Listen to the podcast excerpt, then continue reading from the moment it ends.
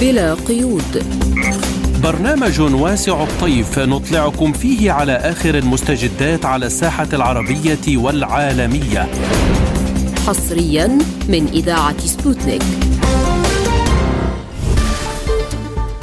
تحية طيبة لكم مستمعينا الكرام من استديوهات إذاعة سبوتنيك في موسكو. نرحب بكم في هذه الحلقة الجديدة من بلا قيود. نرافقكم فيها. أنا عماد الطفيلي. وأنا فرح قادري والبداية بأبرز العناوين.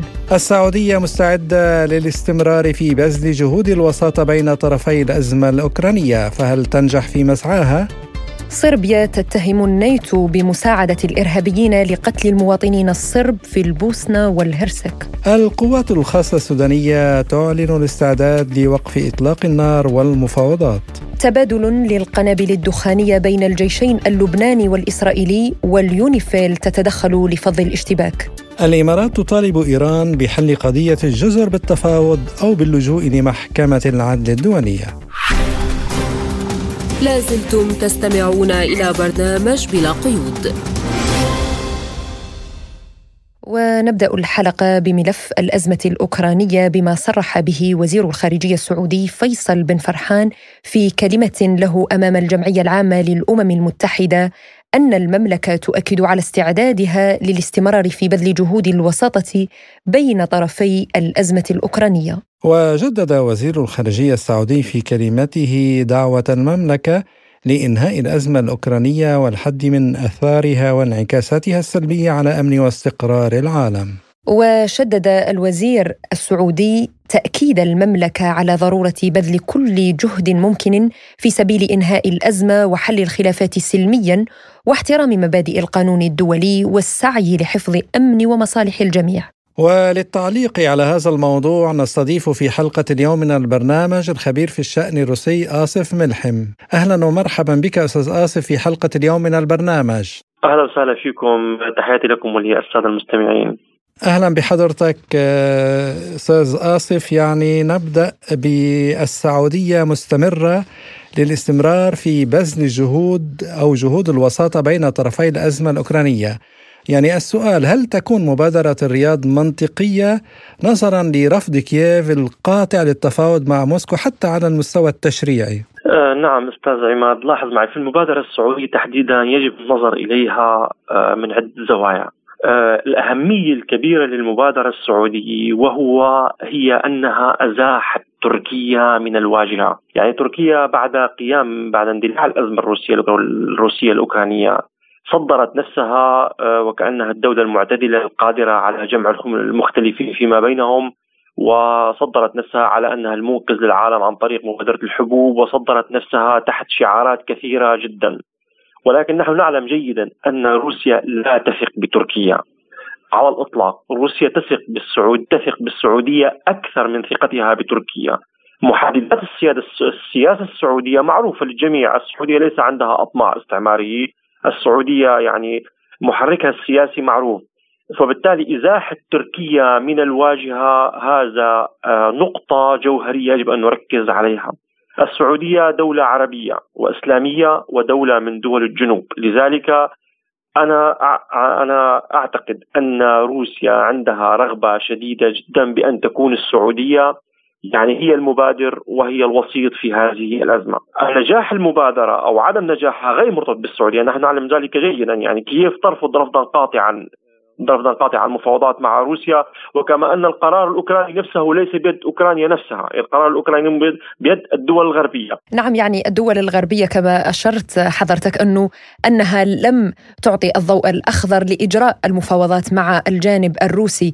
آه، كذلك الساسه الغربيون آه، هناك تقرير صادر عن آه، صحيفة واشنطن بوست بأنهم يحاولون إقناع أوكرانيا بإجراء انتخابات رغم الأحكام العرفية في كونها يعني أمر مستحيل. برأيك هل يفكر الغرب اليوم وبعد يعني فشل الهجوم المضاد في تغيير النخبة السياسية في هذا النظام نظام كييف؟ سيدتي يعني زيلينسكي يصح فيه المثل الذي يقول لفظه الأقربون ولم يأمنه الأبعدون أوكرانيا نفسها تحولت إلى بالوعة للاموال الغربية حجم الأموال التي قدمت لأوكرانيا في تلك في فترة الحرب توازي تقريبا الميزانية الدفاع الروسية يعني كميات كبيرة من من الأموال.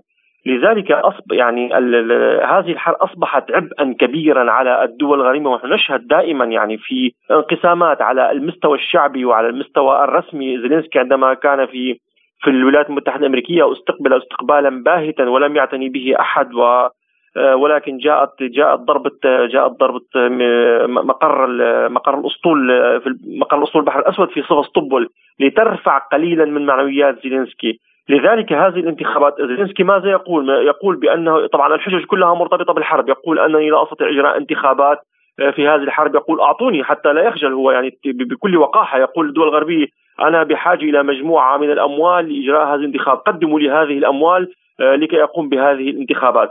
لذلك الضغط باتجاه إجراء انتخابات قد يكون في أحد أطرافه آه، أحد العوامل هو إزاحة النخبة الحاكمة الأوكرانية الموجودة الآن. ولكن بنفس الوقت يعني الغرب من سيعين مكان مكان زيلينسكي الآن؟ يعني الصورة ضبابية إلى أبعد الحدود، أعتقد أنه لن لن يتم لن يتم إجراء انتخابات وستستمر الأمور على حالها كما كما هو الحال لأن القرار النهائي في يد الولايات المتحدة الأمريكية ونحن نعلم جيدا أن أوروبا ترفع الصوت في بعض الأحيان ولكنها في النهاية تخنع ويعني وتستمع لما تقول الولايات المتحدة الأمريكية. نعم آه، أستاذ آسف يعني هناك تحذير أيضا حتى من قبل الأمريكيين السياسيين الأمريكيين يعني السيناتور الأمريكي مارك كيلي حذر وقال إن الصدام المباشر بين روسيا والولايات المتحدة أمر محتمل الوقوع خلال عامين بسبب الأزمة الأوكرانية طيب ماذا يعني هذا بالنسبة للعالم أجمع برأيك؟ أستاذ عماد لاحظ معي فيما يتعلق بالأزمة الأوكرانية يجب أن نفهم نفهم الأزمة كأزمة يعني بشكل عام. عندما يندلع أي صراع أو يعني عندما وضع الأكاديميون بالأحرى نظرية الصراعات حددوا عناصرها بخمس عناصر. اللاعبون الداعمون آه، موضوع الصراع النموذج الإعلامي فضاء الصراع. أنا بركز على موضوع الصراع. يعني روسيا عندما قامت بهذه بهذه العملية العسكريه الخاصة كانت مشكلتها في الدنباس حماية سكان الدنباس. من حول موضوع الصراع وجعله حربا يعني على مستوى العالم هو الدول الغربية. بسبب هذه بسبب هذه الضخ الإعلامي الشديد وهذه الحملة الإعلامية المسعورة ضد روسيا فتحول الصراع إلى نزاع عالمي. اشتباك القوى الكبرى مع بعضها البعض وارد ومحتمل وهذا الأمر ليس جديد ومنذ منذ أعوام وما مدى خطورته برأيك؟ أستاذ عماد الآن كل التقارير تؤكد على أن هناك نشاط محموم في المنشآت النوويه الصينيه والروسيه وال وال والامريكيه أيضا، يعني هناك تغييرات في في البنى التحتية في هذه في هذه المنشآت تحضيرا لمثل هذا لاندلاع مثل هذه المواجهة، أنا قبل اندلاع الحرب الأوكرانية كنت أتوقع أن تندلع الأمور في كازاخستان تحديدا، والرئيس بايدن اجتمع مع ضمن فورمات ضمن صيغة خمسه زائد واحد التي أسست من منذ سنوات بالمناسبة، صيغة خمسه زائد واحد أي دول آه، آسيا الوسطى. آه، الخمسة مع الولايات المتحدة الأمريكية. واجتمع بهم في أثناء انعقاد انعقاد مؤتمر منظمه الأمم المتحدة. وبالتالي الموضوع الولايات المتحدة الأمريكية يعني تفتح أكثر من جبهة في العالم.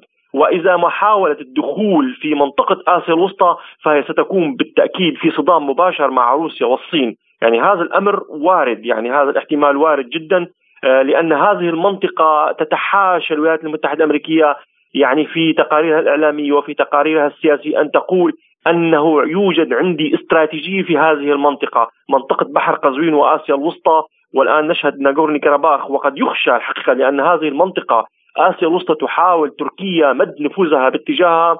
يعني وقد تغرى تركيا بشكل أو بآخر للدخول في هذه الأزمة. نعم يعني تقديرات للعديد من الخبراء آه، تفيد بأن آه، هذه الأزمة الروسية الأوكرانية وإن صح التعبير الغربية الروسية آه، لا تزال في بدايتها وأمريكا تسعى لخلق بؤر توتر جديدة لاستفزاز روسيا ربما. صفقة حبوب متوقفة وعدم تنازل من الجانب الأوكراني للتوصل إلى بنود يعني يعني وتنفيذ آه، بنود الاتفاقية. برأيك هل النصر الغربي في هذا النزاع بالوكالة على أوكرانيا أكثر أهمية من ضمان الأمن العالمي اليوم؟ استاذه فرح ال ال الاوكرانيا ليست هي المشكلة. أوكرانيا ليست هي المشكلة. المشكلة هي هي الأمن في أوروبا الأمن في العالم. المشكلة أن الولايات المتحدة الأمريكية تحاول نشر نفوذها في كل دول العالم. يعني ما أهمية وجود قاعدة عسكرية للولايات المتحدة الأمريكية في في منطقة تبعد عنها آلاف الكيلومترات، لا أحد يهدد أمن الولايات المتحدة الأمريكية، السلوك السلوك الأمريكي في العالم هو المشكلة وليس أوكرانيا، أوكرانيا جاءت يعني كإحدى الأسباب التي انضمت إلى أسباب عديدة أخرى. يعني عندما توسع الولايات المتحدة الأمريكية نفوذها باتجاه بحر الصين باتجاه اتجاه منطقة المحيط آسيا والمحيط الهادي هذه هي هذه المشكلة. الأمن أوكرانيا بحد ذاتها هي أحد العوامل التي أضيفت إلى عوامل أخرى كثيرة. وإذا تذكرنا يعني كلام الرئيس مدفيديف الرئيس السابق مدفيديف عندما بدأت الأزمة السورية قال سيحدد حل الأزمة السورية سيحدد مصير العالم في المستقبل. وبالتالي القضية مرتبطة بنشاط الولايات المتحدة الأمريكية في كل دول العالم. ولذلك قال تحول موضوع الصراع كما قلت واذاعت روسيا أكثر من أكثر من مرة عن ذلك وقالت الغاية من هذه الحرب هو إنهاء الهيمنة الأمريكية في العالم لأنها جذور المشكلة هي في في هذا الموضوع تحديدا. نعم أستاذ آسف يعني ضابط مخابرات أمريكي سابق قال إن الناتو ساعد في ضرب مقر أسطول البحر الأسود في سيفاستوبل. يعني هل تتوقع أو نتوقع أن تتخذ القيادة الروسية إجراءات انتقامية؟ فيما يتعلق فيما يتعلق بالضرب مقر أسطول البحر الأسود، التقارير الأولى التي نشرت أنه تم ضربه بواسطة صواريخ Storm Shadow، ولكن يعني القوة التدميرية لصواريخ Storm Shadow لا تفعل هذا التدمير الكبير، لذلك المؤكد أنه تم ضربها بصواريخ أرض أرض تطلقها منظومة منظومة براجمه الصواريخ إم 270 البريطاني البريطانية، هذا الشيء يعني أصبح شبه مؤكد، طبعا يتم هذه الصواريخ يتم تغيير اللوجوتيب آه، على هذه الصواريخ وبعض الرموز وما شابه ذلك للتمويه بأنها صواريخ أوكرانية وليست صواريخ وصواريخ غربية. لذلك هذه نقطة، النقطة الثانية أيضا أثناء أثناء ضرب المقر كانت فوق ميناء سولينا الروماني كانت تحوم طائرة استطلاع وتجسس أمريكي من نوع بوسيدون وهذا تؤكده كل التقارير تقريبا يعني آه، وبالتالي هناك مساعدة مساعدة عفوا استخباراتية ومعلوماتية مباشرة في هذه الضربة بالإضافة إلى نوعية الصواريخ. يعني القوات المسلحة الروسية آه، ووردنا الخبر آه، في شكل عاجل أنها نفذت آه، منذ قليل ضربه واسعة النطاق بصواريخ كروز وطائرات ضد نقاط انتشار للمرتزقة الأجانب. وقالت أن عملية التدمير تمت بنجاح. برأيك هل الآن وفي هذه المرحلة روسيا دخلت في خطة استراتيجية جديدة لتنفيذ هجماتها وتدمير كل هذه المواقع للمرتزقة وللجانب الأوكراني. أستاذ فرح منذ بداية الأزمة يعني روسيا تعلم مواقع مواقع المرتزقة وتعلم مواقع اجهزه الاستخبارات الغربية التي تساعد أوكرانيا. وكان هناك نوع من اتفاق تقريبا غير المعلن بأن لا يمس تمس هذه المناطق يعني الاستخبارات الغربية يعني منتشرة في مناطق لفوف مناطق الغرب أوكرانيا تحديدا ومراكزهم معروفة من بولونيا وبريطانيا والولايات المتحدة الأمريكية موجودون في هذه المناطق وهم من يدرب المرتزقة ولكن كما قلت هناك اتفاق ضمني بين الطرفين عدم المساس بها ولكن عندما آه، يضرب على سبيل المثال أسطول البحر مقر أسطول البحر الأسود فمن الطبيعي أن تصعد روسيا بنفس الطريقة تقريبا. روسيا أنا وفق تقديري يعني من الناحية الاستراتيجية لن تغير بشكل عام من الاستراتيجية المتعامل مع التي تتعامل بها مع أوكرانيا. ستقوم دائما بالبحث عن أماكن المرتزقه، عن أماكن تخزين الأسلحة والذخائر وتحديدا مطار يعني مطار ستارا قسطنطينف في مقاطعة خميلينسكي، هذا المطار تقريبا يستقبل أكبر كمية من شحنات الأسلحة التي تأتي إلى أوكرانيا، وبالتالي تقوم بضربها، ستكتفي بهذا القدر، تصعد حسب التصعيد الاوكراني تصعد هي أيضا، وأما التغيير في الاستراتيجية العامة فلن يأتي سوى سوى شيء واحد فقط. يعني قد روسيا عندما تنهك الجيش الأوكراني تماما أعتقد أنها ستوسع هجومها باتجاه الغرب وقد تدخل مقاطعتي نيكولايف وأوديسا لعزل أوكرانيا بالكامل عن البحر الأسود وهي تنتظر كما قلت تدمير جميع المدرعات وجميع والدبابات الغربية التي تأتي وإنهاك الجيش الأوكراني تصبح عملية الدخول سهلة بالنسبة لها، لذلك عندما يتصاعد الحديث في في في وسائل الإعلام الغربية عن تقديم صواريخ بعيده المدى لأوكرانيا. الغاية منه يعني هم يفهمون جيدا أن روسيا قد تصبح الجبهة أمامها مفتوحة حتى كييف تقريبا. نعم نشكرك الخبير بالشأن الروسي آه، الدكتور آصف ملحم على هذه المداخلة القيمة. شكرا. أهلا وسهلا بكم. لازلتم تستمعون إلى برنامج بلا قيود. وإلى صربيا حيث قال رئيس جمهورية البوسنة والهرسك الصربي ميلوراد دوديك إن الحادث الذي وقع شمال كوسوفو وميتوهيا وأدى إلى مقتل ثلاثة مواطنين صربيين يدل على نفاق المجتمع الدولي الذي يدعم إرهاب رئيس وزراء كوسوفو ضد الصرب.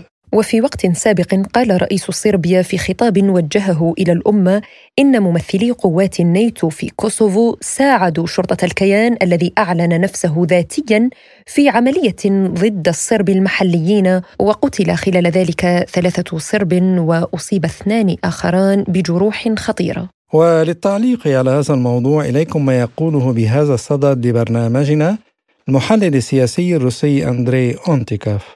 بصراحة هناك أزمة مستمرة ومن وقت لآخر نحن نرى ازدياد التوتر في تلك المنطقة ثم تخفيض التوتر وثم مجددا ازدياد التوتر وهذا ما يحصل حاليا.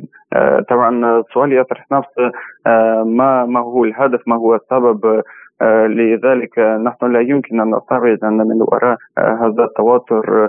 توجد هناك مسائل للدول الغربية للضغط على صربيا بسبب على كل حال صربيا تحاول أن تبقى مبتعدا عن كل الضغوطات الاقتصادية على روسيا. ف هذا الشيء شيء ثاني واضح تماما أن السياسة المستقلة حتى بعيدا عن هذه الأحداث متعلقة بالعملية العسكرية الروسية في أوكرانيا.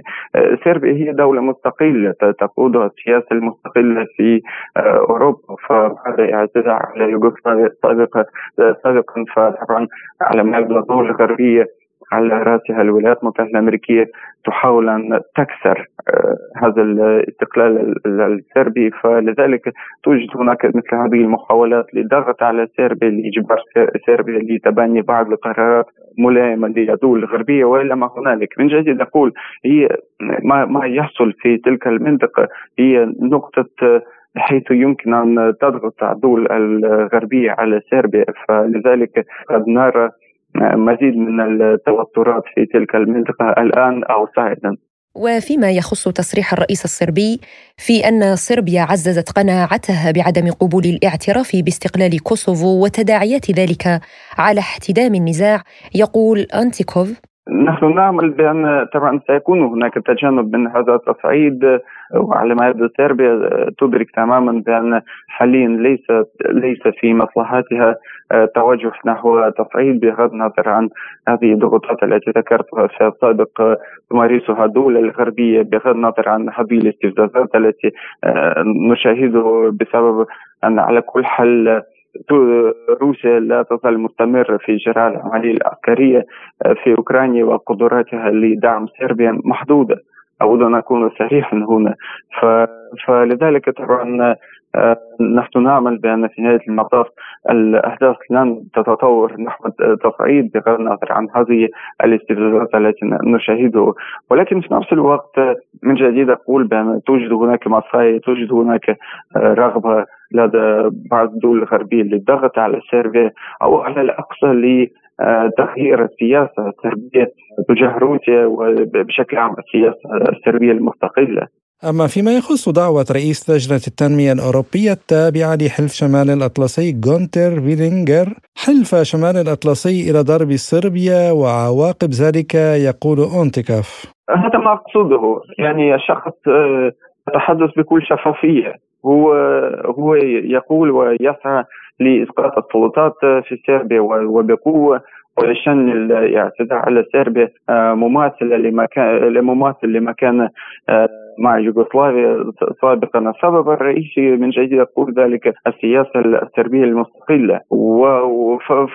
فلذلك يعني طبعا نحن نامل بأن لن تكون هناك العدوان الجديد ضد صربيا ولكن الأمر لا يستثني أو هذه الاحداث لا تستثني مزيد من الاستفزازات في في كوسوفو الاستفزازات بصربيا وإلى ما هنالك. من جديد أقول نحن نمشي من التوتر إلى التهدئة وثم مجددا إلى التوتر. والسؤال يطرح نفسه هل سيتحول هذا التوتر إلى حرب شامله إلى حرب كبيره في في تلك المنطقة؟ على الأقل هو سؤال مطروح لحتى الآن. نحن نعمل أن لا تكون هناك مثل هذه الحرب. استمعنا إلى ما قاله المحلل السياسي الروسي أندري أنتيكوف. لازلتم تستمعون إلى برنامج بلا قيود.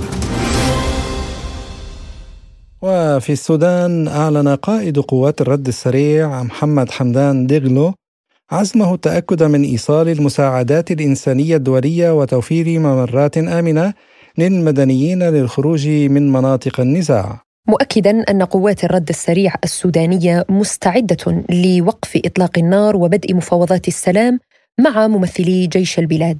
وقال ديغلو في كلمة أمام الأمم المتحدة إن قوات الدعم السريع على أتم الاستعداد لوقف إطلاق النار في السودان وإجراء مفاوضات سياسية شاملة تؤدي إلى حل سلمي للأزمة السودانية وإقامة حكومة مدنية فيما نشد رئيس مجلس السيادة السوداني قائد الجيش عبد الفتاح البرهان الأمم المتحدة بطلب الاعتراف بقوات الرد السريع السودانية كمنظمة إرهابية وقد وجه هذه الدعوة من على منصة الدورة الثامنة والسبعين للجمعية العامة للأمم المتحدة في نيويورك. وللتعليق على هذا الموضوع إليكم ما يقوله لبرنامجنا خبير في الشأن السوداني محمد تورشن أنا والله في تقديري الخطاب الذي أدلى به محمد حمدان دقلو آه، آه، بالأمس الغريب آه، هو بمثابة تغير واضح في في التوجهات العامة التي انطلقها أو بدأت تتغير في خطاب الدعم السريع بحيث أنه في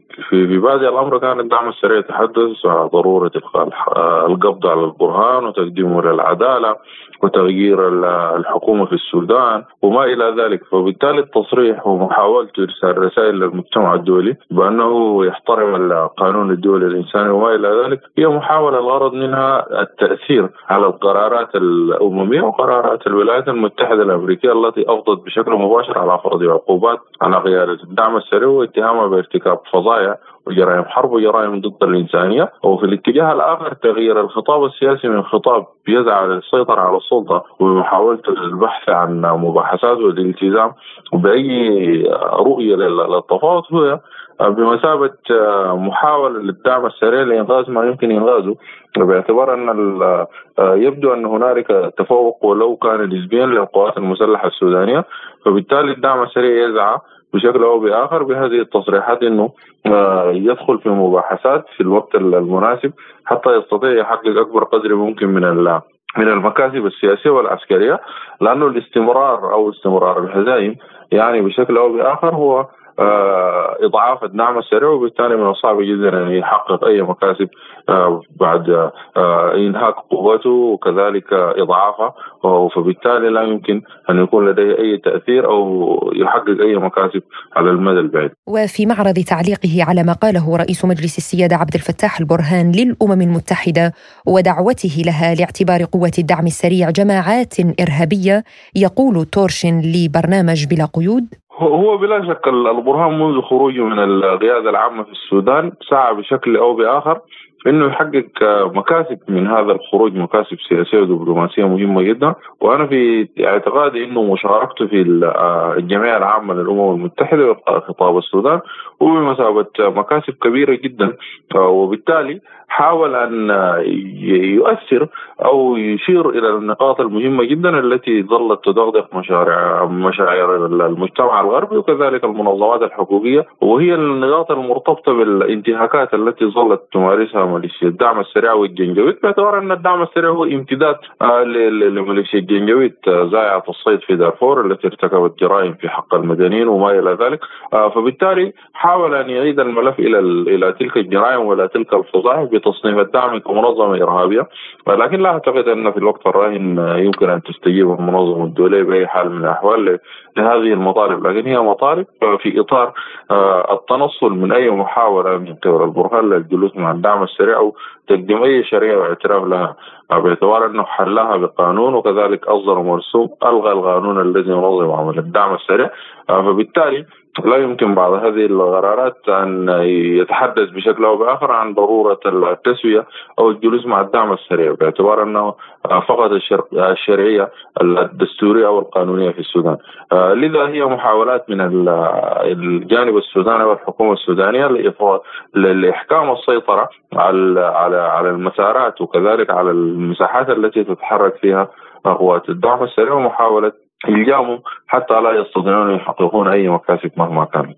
وفيما إذا كان حل الأزمة السودانية سيكون قريبا يقول تورشن أنا لا أتوقع للأسف الشديد إنه الأزمة السودانية في الوقت الراهن إنه تكون هنالك أي مؤشرات آه، لحسمها، الحزم العسكري ما زال بعيد جدا جدا، هنالك آه، شبه توازن أو شبه آه، معادلة في في القدرات العسكرية وكذلك في في في في في, في, في العمليات العسكريه في التوازن هو آه، سيد الموقف فبالتالي من الصعب جدا أن تكون هنالك آه، أي انتصارات عسكرية حاسمة للجيش السوداني في الوقت الراهن.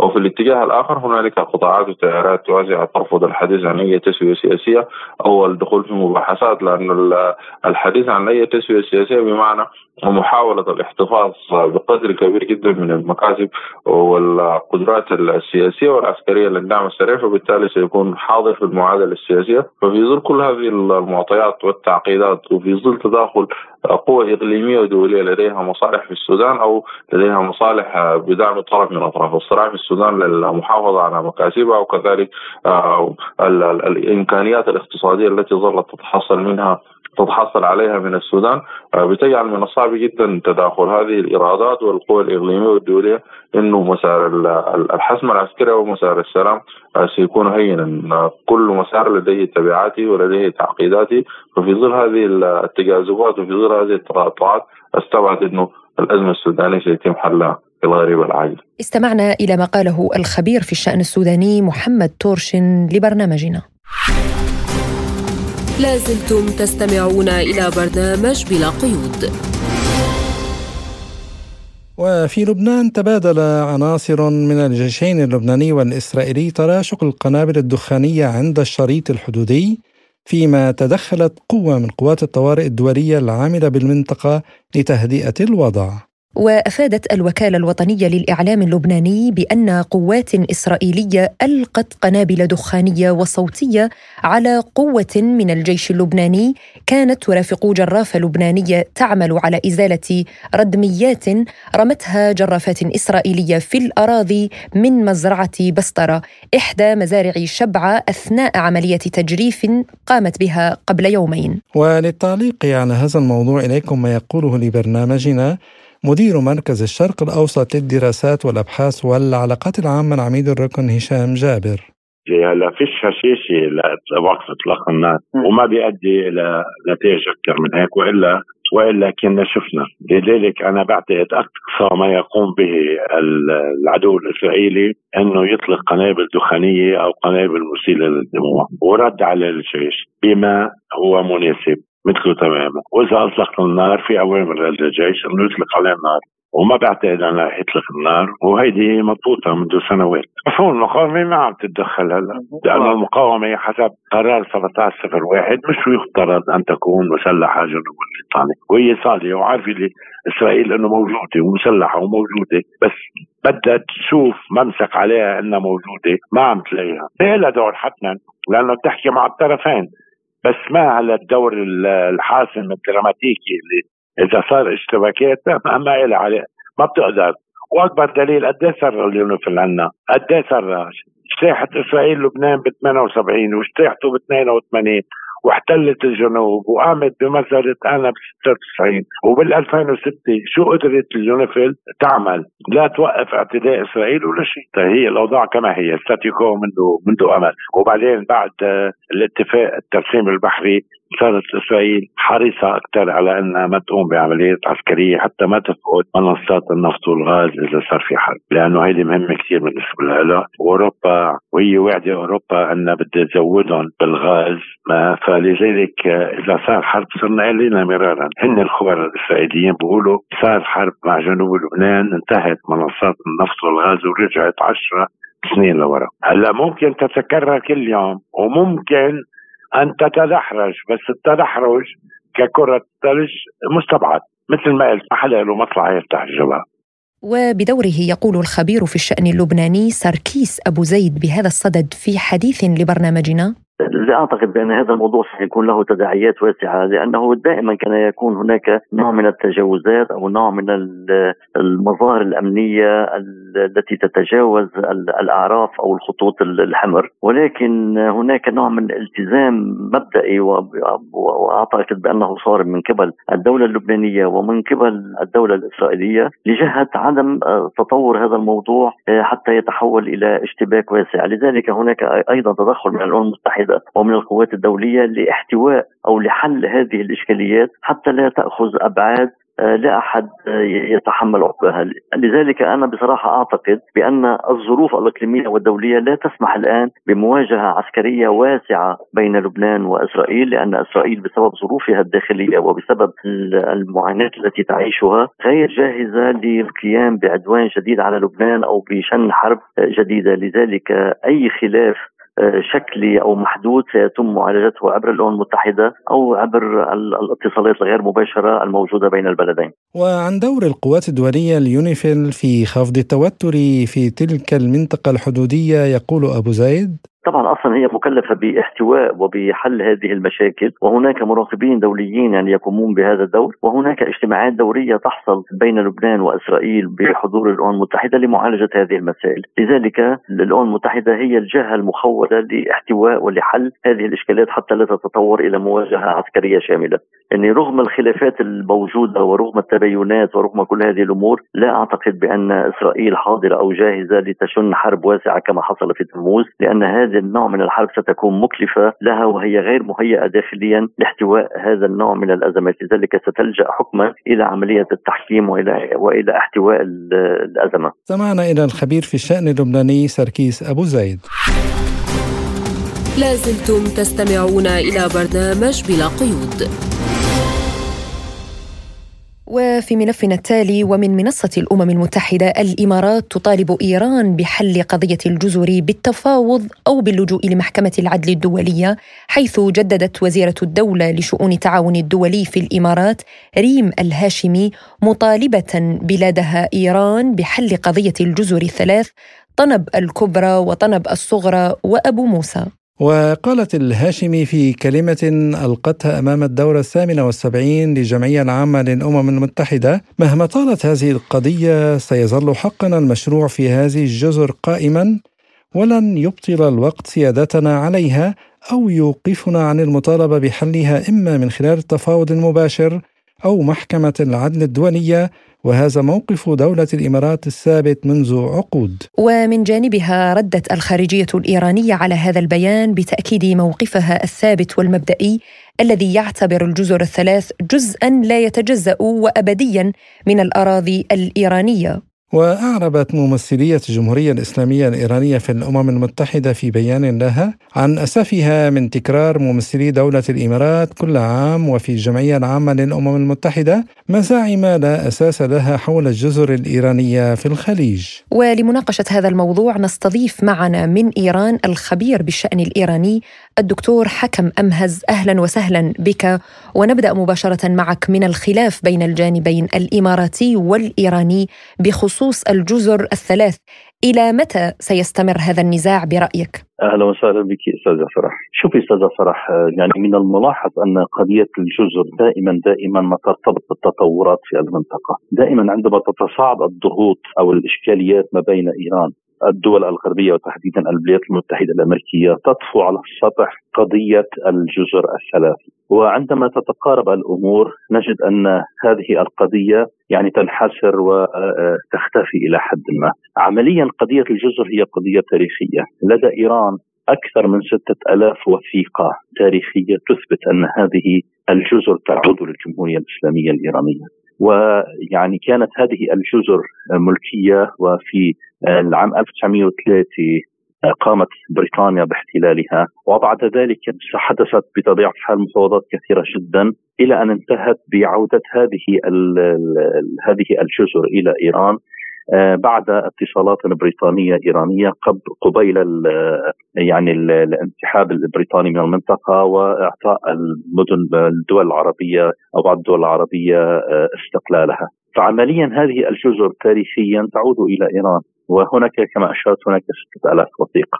الإشكالية أين؟ الإشكالية أن الدول العربية طبعا هناك طبعا هناك بعض الوثائق يعني حتى كان هناك منذ فترة وثائقي بريطاني يؤكد هذا الموضوع وهناك أيضا يعني معلومات تاريخية وكتبتها الجرائد العربية والصحف العربية آه، بأنه بأن بعض مشايخ الإمارات وتحديدا الشارقة ورأس الخيمة كانوا يتقاضون أموال من الشاه في ذلك الوقت عندما لانهم كانوا بحاجة إلى المال وكانوا يضغطون في آه، بقضية الجزر ويأخذون المال من من المال من الشاه في ذلك الوقت وبطبيعة الحال حتى هم فيما بينهم كانوا يعتقدون أن يعني مشايخ هاتين الإماراتين تآمروا وتخلوا عن الجزر حتى يعني يعطوا مبررا لعملية المطالبة بها. عمليا الوثائق التاريخية تؤكد أن هذه الجزر جزر هي إيرانية هذا اولا. هي شبيهة تقريبا القضية شبيهه تقريبا بموضوع الخليج الفارسي والخليج العربي. نعم والإمارات أيضا تقول أن لديها وثائق تثبت ملكية الجزر الأراضي الإماراتية. هلا هذا بطبيعة الحال هي بطبيعة الحال هي ادعاءات لأن هناك يعني وثائق وما إلى ذلك ولكن عندما نتحدث عن عن إيران نتحدث عن تاريخ عن دولة عظمى لها تاريخ يضرب يعني لها تاريخ يضرب في في أعماق التاريخ أيضا. نتحدث عن خمسة ألاف سنة ستة ألاف سنة للحضارة حضارة الدولة ال ال الإيرانية. وبالتالي في تلك الفترة لم يكن هناك شيء اسمه دول عربية. يعني كانت هناك قبائل وما إلى ذلك تعرفين تعرفين هذا الأمر. وما تشكل آه، من دول عربية وتشكلت بعد يعني بعد الاحتلال البريطاني والاستقلال الذي أعطي لها. فلذلك عمليا عمليا آه، الأمور بطبيعة الحال أي شخص يريد أن يقوم بأي شيء يستخدم وثائق يعني اعتبرها أنها صحيحة. ولكن الأرشيف البريطاني يعني المطلوب من من البريطانيين أن يكشفوا عن الأرشيف الذي لديهم ليؤكدوا ويثبتوا بأن هذه الجزر هي إيرانية. أنا أقول لك أن لدى إيران أكثر من 6000 وثيقة تؤكد أن هذه الجزر تعود لها. طيب يعني في حال لجأت الإمارات إلى محكمة العدل الدولية، كيف سيكون موقف المحكمة وبرأيك ما سبل التوصل لحل مناسب يرضي الطرفين؟ شوفي هناك أنا بتقديري أنا بتقديري أن الإيرانيين كانوا يمكن أن يلجأوا إلى التحكيم الدولي أو إلى إلى أي أمر آخر.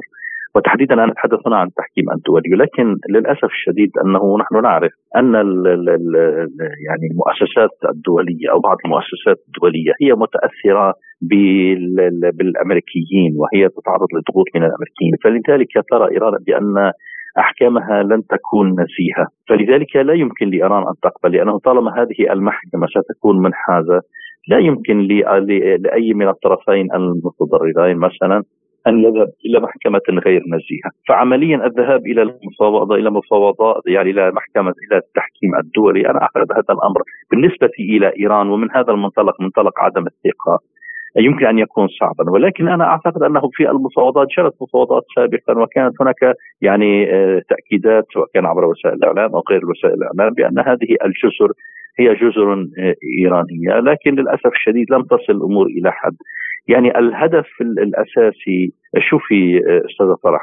الهدف الأساسي للاستعمار هو أنه أبقى فتائل متفجرة في المنطقة بعد اتفاقية سايكس بيكو، يعني لاحظي أنه حتى بين الدول العربية فيما بينها بينها في موضوع الحدود. لم تكن الحدود منجزة بشكل كامل، فلذلك بقيت بقي التنازع على الحدود فيما بين هذه الدول، يعني فتيل متفجر تستخدمه الدول الغربية ل يعني تفجير الواقع فيما بين الدول العربية، وقد لاحظنا أن هناك حدثت إشكاليات حدثت حروب وسقط قتلى ما بين يعني الدول العربية في إطار النزاع على الحدود. دكتور حكم يعني ما هو تأثير هذا النزاع على أمن المنطقة؟ شوفي أنا بتقديري أن أن هذا الموضوع يعني للاعتبارات التي ذكرت. لا يمكن أن يؤثر على على العلاقات ما بين الدول العربية وإيران لأن في ظل هذا في ظل هذه الأزمة تحسنت العلاقات ما بين إيران والدول العربية. ومعك أكثر من ذلك لاحظي أنه في عز الأزمة ما بين إيران والسعودية وإيران وبعض الدول العربية الأخرى فإن العلاقات ما بين إيران والإمارات كانت جيدة. يعني لاحظي ان أن الإمارات هي الشريك التجاري الثاني بعد الصين لإيران. فعمليا فعمليا الإمارات يعني اذا إذا كنا نريد أن نأخذ هذه الأزمة على أساس أنها أزمة أساسية ما بين إيران والدول العربية، طب ما ايران الإمارات هي صاحبة هذه الأزمة، طب لماذا لم تكن علاقاتها علاقاتها متشنجة مع مع الإيرانيين آه، خلال فترة التأزم الكبير والتوتر الكبير ما بين إيران والدول العربية؟ اذا تضعين أسئلة في هذا الإطار، يعني الإمارات يعني لو كانت متيقنة من أن هذه الجزر هي إماراتية أعتقد أنها كانت تشددت، ولكن دائما دائما حتى الإماراتيين لاحظي حتى الإماراتيين يعني آه، لا يثيرون هذه أزمة الجزر بشكل مستمر، هم يشيرونها فقط مثلا في الأمم المتحدة في أوقات الأزمات وفي البيانات في أثناء جلسات مجلس التعاون، فعمليا عمليا نلاحظ أن هناك عدم يعني عدم تمسك من قبل الإمارات بهذه الجزر للاعتبارات التي أشرنا إليها لعدم وجود يقين ولعدم يمكن وجود وثائق يعني يقينية. جزر هي هي إماراتية، أما إيران لا فهي فهي تؤكد أن هذه الجزر كانت لها وفي العام 1903 في 1903 الكل يعني الكل يعرف والتاريخ يذكر أن هذه الجزر احتلتها بريطانيا وبالتالي بقي النزاع ما بين الإيرانيين والبريطانيين على هذه الجزر حتى عام 1971 يعني أو قبيل عام 1971 عندما يعني أعطي الاستقلال لمشيخات الإمارات. فعمليا هذا هذا الواقع. أنا بتقديري أنه لن تؤثر هذه القضية على آه، سير المسار الأمني والعلاقات ما بين إيران والدول العربية. وبطبيعة الحال يعني يجب أن يكون هناك يعني حلا لهذه القضية حتى لا تبقى يعني كقميص عثمان كما يقولون في القضية. الخبير في الشأن الإيراني الدكتور حكم أمهز شكرا جزيلا لك. وفي نفس السياق نستضيف معنا الكاتب السياسي الإماراتي الأستاذ محمد التقي. أهلا وسهلا بك ونتحدث كذلك عن مدى تأثير الخلاف بين الإمارات وإيران في ظل تطبيع طهران لعلاقتها مع عدد من الدول العربية خصوصا يعني هذا الملف ملف الجزر المتنازع عليها بين الجانبين.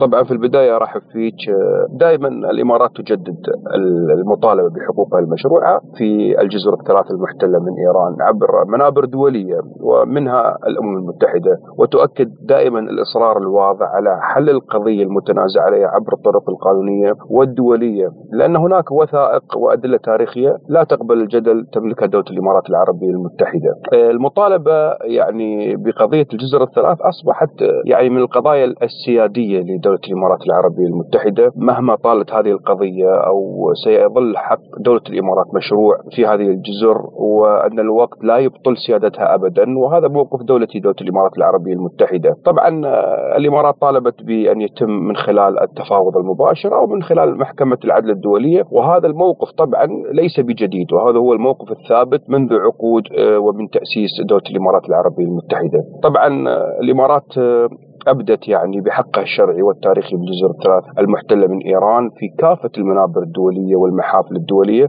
في عام 1992 آه، وتسعى لإحالة القضية لمحكمة العدل الدولية في لاهاي في الوقت الذي ترفض إيران الحديث عنها زاعمة أنها جزء من من أراضيها. تستند الإمارات إلى يعني وثائق تاريخية آه، قائمة على التدعيم التاريخي المدرج للحيازة والاندفاع لدولة الإمارات لهذه الجزر إضافة للحق القانوني آه، المعزز بممارسة وظائف الدولة على الجزر محل النزاع. طبعا الجزر لها استراتيجية مهمة لها موقع جيوسياسي مهم لقرب مضيق هرمز والذي يعتبر ممر آه، يعتبر ممر حساس آه، ويعتبر هذا الممر آه، يعبر فيه خمس إنتاج النفط العالمي ولم تتوقف الإمارات عن المطالبة بحقها. طبعا العلاقة الإيرانية الإماراتية تمر في مرحلة هدوء ودفء كبير جدا من خلال الارتباطات الثانية التي ترتبط بدولة الإمارات العربية المتحدة وإيران. طبعا آه، مجلس التعاون والدول الحليفة والدول العربية أكدت وجامعة الدول العربية أكدت آه، موقفها مع دولة الإمارات العربية المتحدة. وأيضا أن أصدرت وزارة الخارجية والتعاون الخليجي والولايات المتحدة بيان مشترك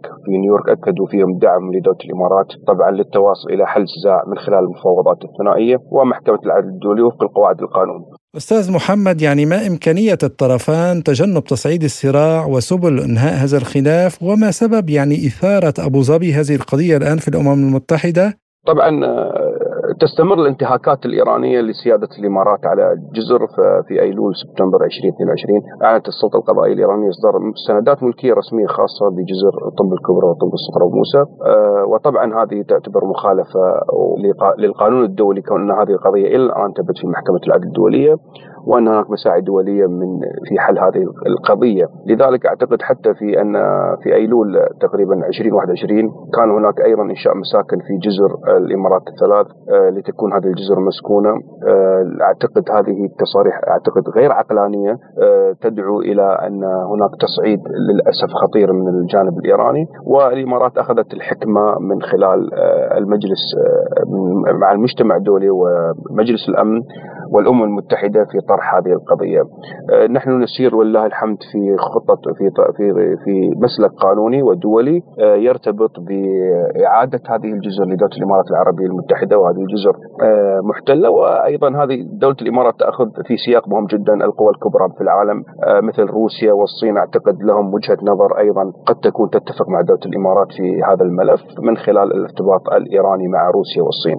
شكرا لكم وإن شاء الله تعالى أن هذه الجزر ستعود يوم من الأيام إن شاء الله إلى دولة الإمارات بالطرق السلمية وبالحكمة التي من تأسيسها ومن 1992 الإمارات أخذت هذا الخط في إعادة هذه الجزر إلى دولة الإمارات العربية المتحدة. الكاتب السياسي الإماراتي محمد التقي شكرا جزيلا لك. لازلتم تستمعون إلى برنامج بلا قيود. وفي ملفنا الاقتصادي حيث تجري مصر محادثات مع بنك مقره إمارة أبو ظبي في دولة الإمارات العربية المتحدة للحصول على تسهيل قرض لتمويل مشتريات القمح من دولة كازاخستان. وكان وزير التموين والتجارة الداخلية المصري علي نمصيلحي قد وجه الشكر لدولة الإمارات العربية المتحدة لأنها أتاحت لمصر 100 مليون دولار سنويا لشراء القمح لمدة خمس سنوات. لمناقشة هذا الموضوع أكثر نستضيف معنا من القاهرة الخبير بالشأن الاقتصادي والأستاذ الزائر في جامعة التمويل الروسية الدكتور نور ندى. أهلا وسهلا بك دكتور. أولا آه، أهلا بك وأهلا بالسادة المستمعين على راديو سبوتنيك.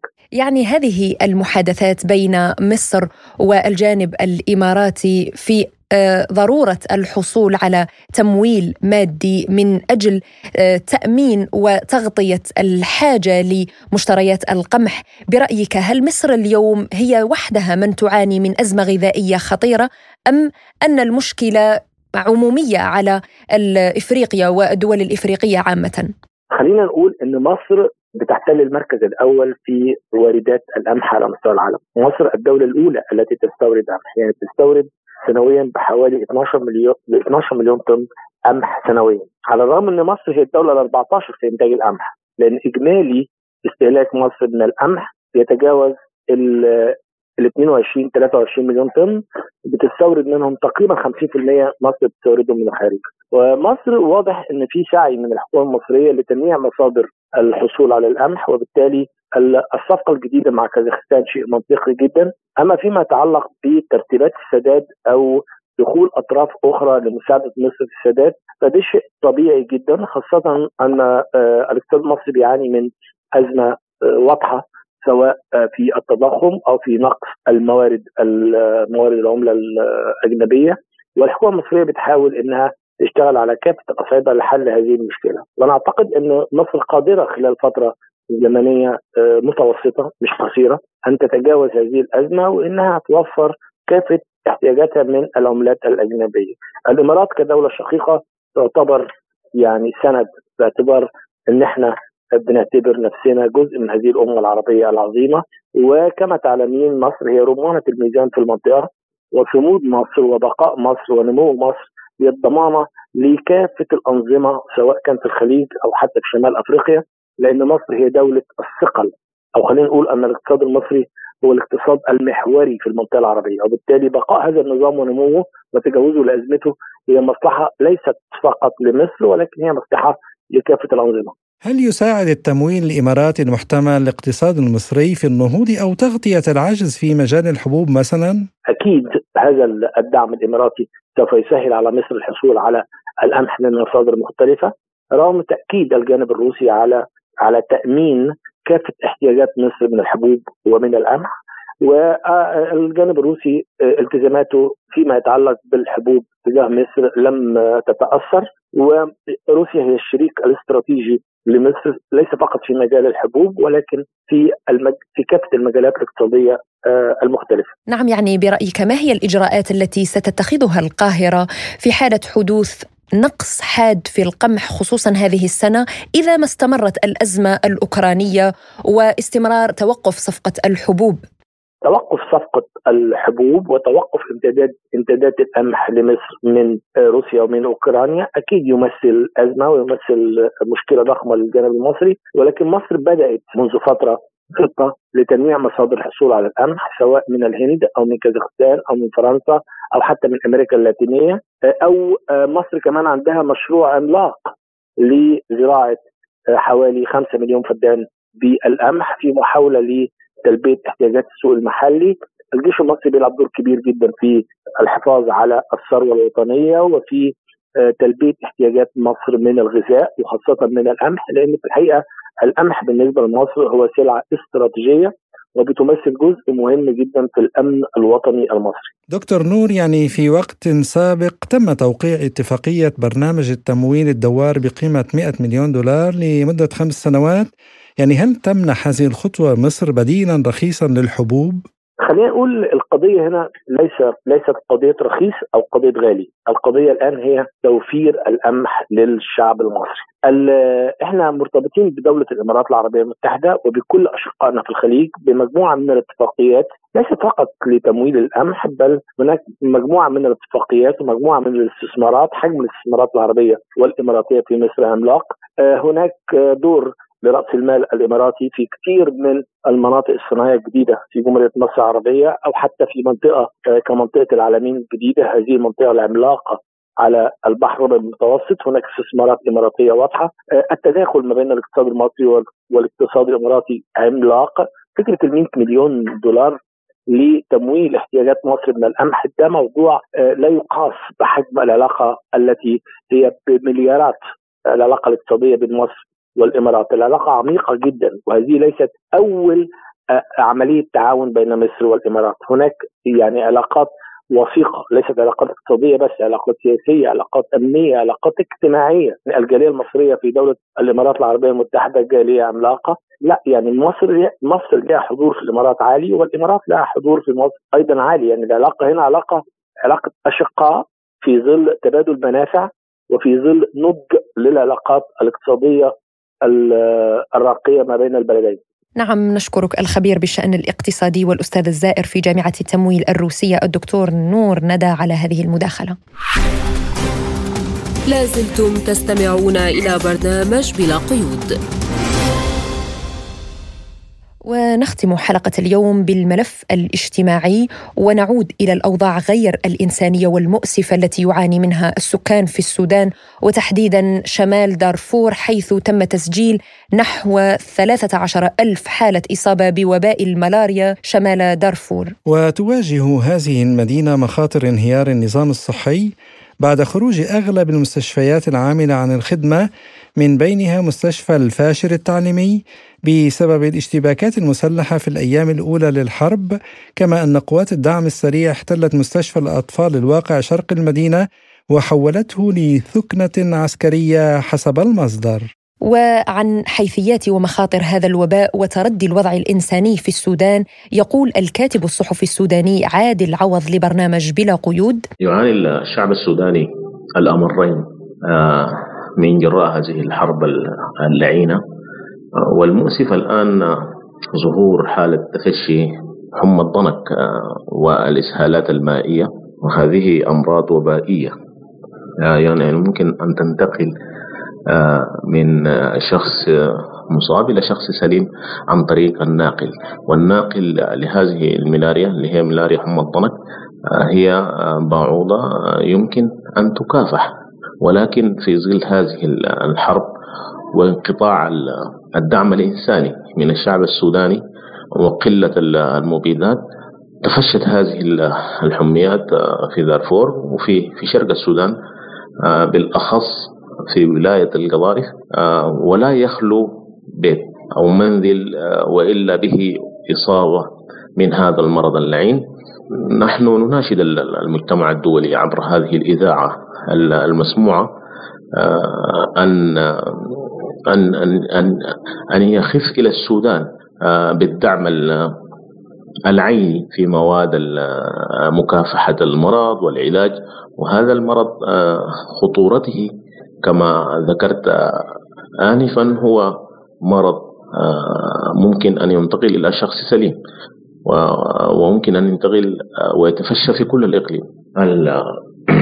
المجتمع الدولي الآن يتعامل مع الأزمة السودانية ببرود كبير جدا. لا ينظر إلى معاناة الشعب السوداني الكبيرة في في مأكله في في المأوى. الآن الشعب السوداني تشرد من مدنه الآمنة إلى إلى الولايات.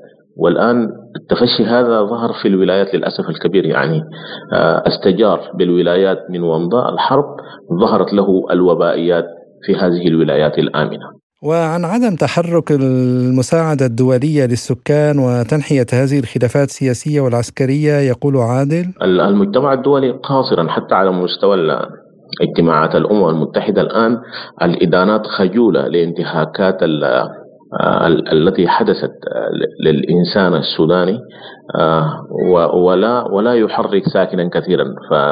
فكل الذي قيل هي كلام دبلوماسي إدانة وشج نحن الآن نحتاج إلى فعل وليس إلى قول الإدانة والشج نحتاج إلى فعل حقيقي يتلمس معاناة الشعب السوداني. المجتمع الدولي لا يتحرك إلا وفق مصالحه ولكن هذه كارثة إنسانية تحرك الضمير الإنساني أولا. لذلك أتمنى أن يوقف الضمير الإنساني العالمي اتجاه الشعب السوداني ويجعل خلافاتهم المصلحية والسياسية جانبا وينظروا إلى معاناة هذا الشعب المغلوب على أمره. وفيما يتعلق بالمطلوب للتصدي لمرض الملاريا ومساعدة السكان في دارفور لتخطي هذه المحنة الطبية الإنسانية يقول عادل عوض لي بلا قيود. تحرك العالم آه، آه، إلى جائحة كورونا كان آه، برده فعل سريعه جدا. نتمنى بنفس تلك الوتيرة التي تحرك بها العالم إلى إنقاذ نفسه من من الكورونا أن يتحرك الآن لإنقاذ نفسه كذلك آه، من الوبائيات التي تنتشر في أفريقيا. ولا ينظر إلى آه، ويجب أن أن تحسن النظرة إلى أفريقيا بأنها أرض ثروات خام إلى أنها أرض يوجد بها إنسان. وهذا الإنسان آه، مكرم آه، من رب السماوات آه، السبع.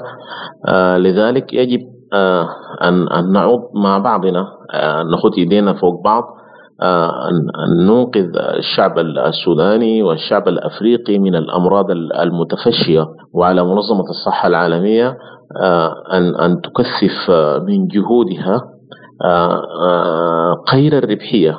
أنا أقول غير الربحية وأعني ذلك جهودها الإنسانية التي آه، بموجب الاتفاقية العالمية أنشئت من أجلها آه، أن تكثف جهودها لمكافحة الوبائيات وبأخص آه، حمى الضنك وحمى الكنكشة كما تسمى باللفظ المحلي والإسهالات المائية التي تفتك بشرق وغرب أفريقيا. فهذه الوبائيات تحتاج تحرك فعلي تحتاج إلى آه، أولا مكافحة هذه الأوبئة بنشر التوعية الحقيقية عن طريق وسائل إعلامية محلية لكن تحتاج هذه الوسائل تمكين آه، في الأجهزة والتدريب المستمر. كذلك نحتاج آه، إلى آه، مضادات لهذه الأوبئة.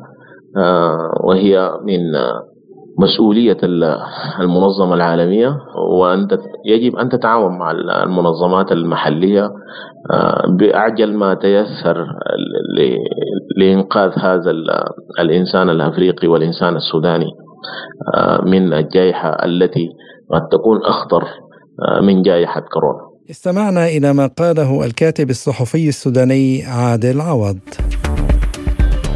وبهذا نصل وإياكم مستمعينا الكرام إلى ختام حلقة اليوم من برنامج بلا قيود. كنا فيها معكم من استديوهاتنا في موسكو أنا فرح قادري. وأنا عماد الطفيلي وشكرا لإصغائكم وإلى اللقاء. إلى اللقاء.